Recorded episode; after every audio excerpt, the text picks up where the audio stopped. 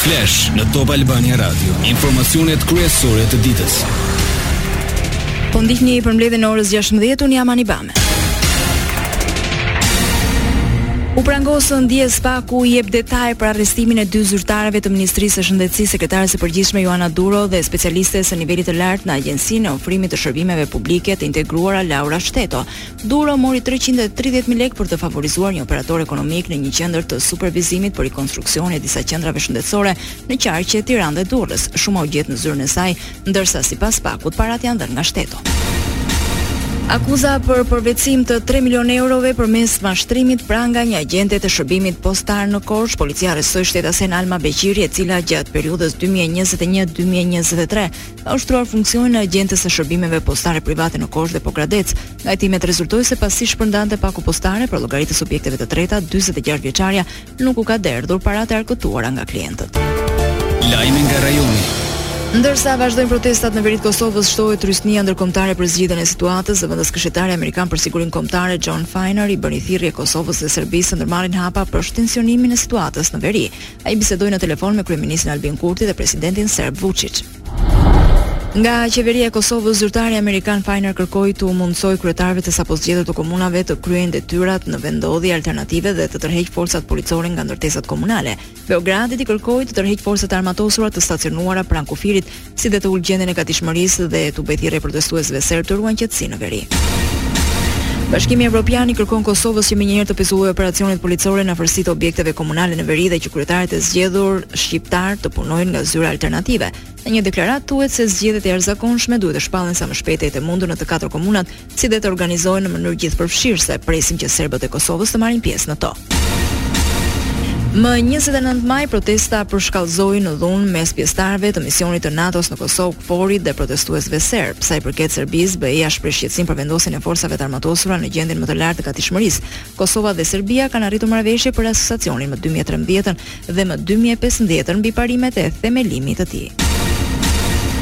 Policia e Kosovës bën të ditur se ka nisur hetimet për sulmet ndaj zyrtarëve të saj më 29 maj në Zveçan. Për këtë rast është duke informuar edhe një prokuror. Goditjet ndaj zyrtarëve të këtij institucioni konsiderohen sulm kundër rendit kushtetues të Kosovës.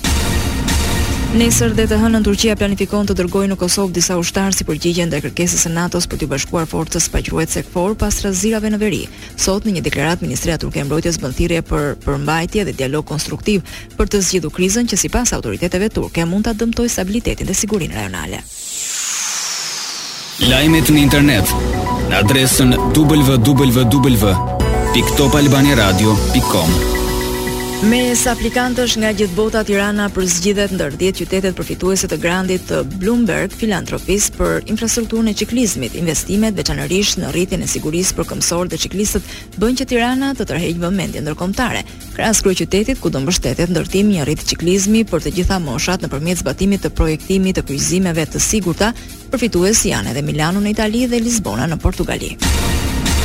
Sot është dita botërore e biçikletës që tërheq vëmendjen tek përfitimet nga përdorimi i këtij mjeti transporti të thjeshtë, të përballueshëm financiarisht, të pastër dhe mjaft të përshtatshëm për mjedisin. OKB vlerëson se biçikleta kontribuon në ajër më të pastër dhe për më pak trafik. arsimimin, kujdesin shëndetësor dhe të tjera shërbime sociale i bën më të aksesueshme për popullatat më në vështirësi. Lajme nga bota. Aksidenti tragjik hekurudhor në Indi rëndohet bilanci viktimave nga përplasjet e tre trenave një ditë më parë. Nga autoritetet vendase bëhet e ditur se ka shkuar në rreth 300 numri personave që humbën jetën në Indinë Lindore në Balasore, Nëntëqind vetë mbetën të lënduar, sot është ditë zie në Indi. Pas javësh negociatash të vështira, presidenti Joe Biden e vuri theksin te aftësia e tij për të arritur kompromis me republikanët në fjalimin drejtuar vendit. Kompromisi është një temë të cilës do t'i rikthehet në fushatën e rizgjedhjes vitin e ardhshëm. Masa e miratuar dje dhe që Biden e nënshkruan sot pezullon kufirin e borxhit deri në janar 2025. si dhe shmang mospagimin e detyrimeve të qeverisë amerikane që mund të kishte pasoja katastrofike. Presidenti ukrainas Volodymyr Zelensky tha se janë gati të nisin kundërofensivën e shumëpritur për të çliruar territoret e pushtuara nga forcat ruse prej shkurtit të vitit të kaluar, por kreu i shtetit ka paralajmëruar se kundërofensiva do të jetë e kushtueshme. Ai foli në një intervistë të publikuar sot në të përditshmen amerikane Wall Street Journal. Tre ushtarë izraelitë u vranë dhe disa të tjerë u plagosën nga një person i armatosur pranë kufirit me Egjiptin. Autoritetet në Izrael thanë se dy prej tyre u qëlluan për vdekje mëngjesin e sotëm. Trupat e pajetë u gjetën pasi një zyrtar nuk arriti t'i kontaktojë. Agresori u ekzekutua, por gjatë operacionit mbeti i vrarë dhe një ushtar i tretë. Për ngjarjen u raportua vetëm disa orë pas një operacioni kundër trafikimit të drogës në kufi.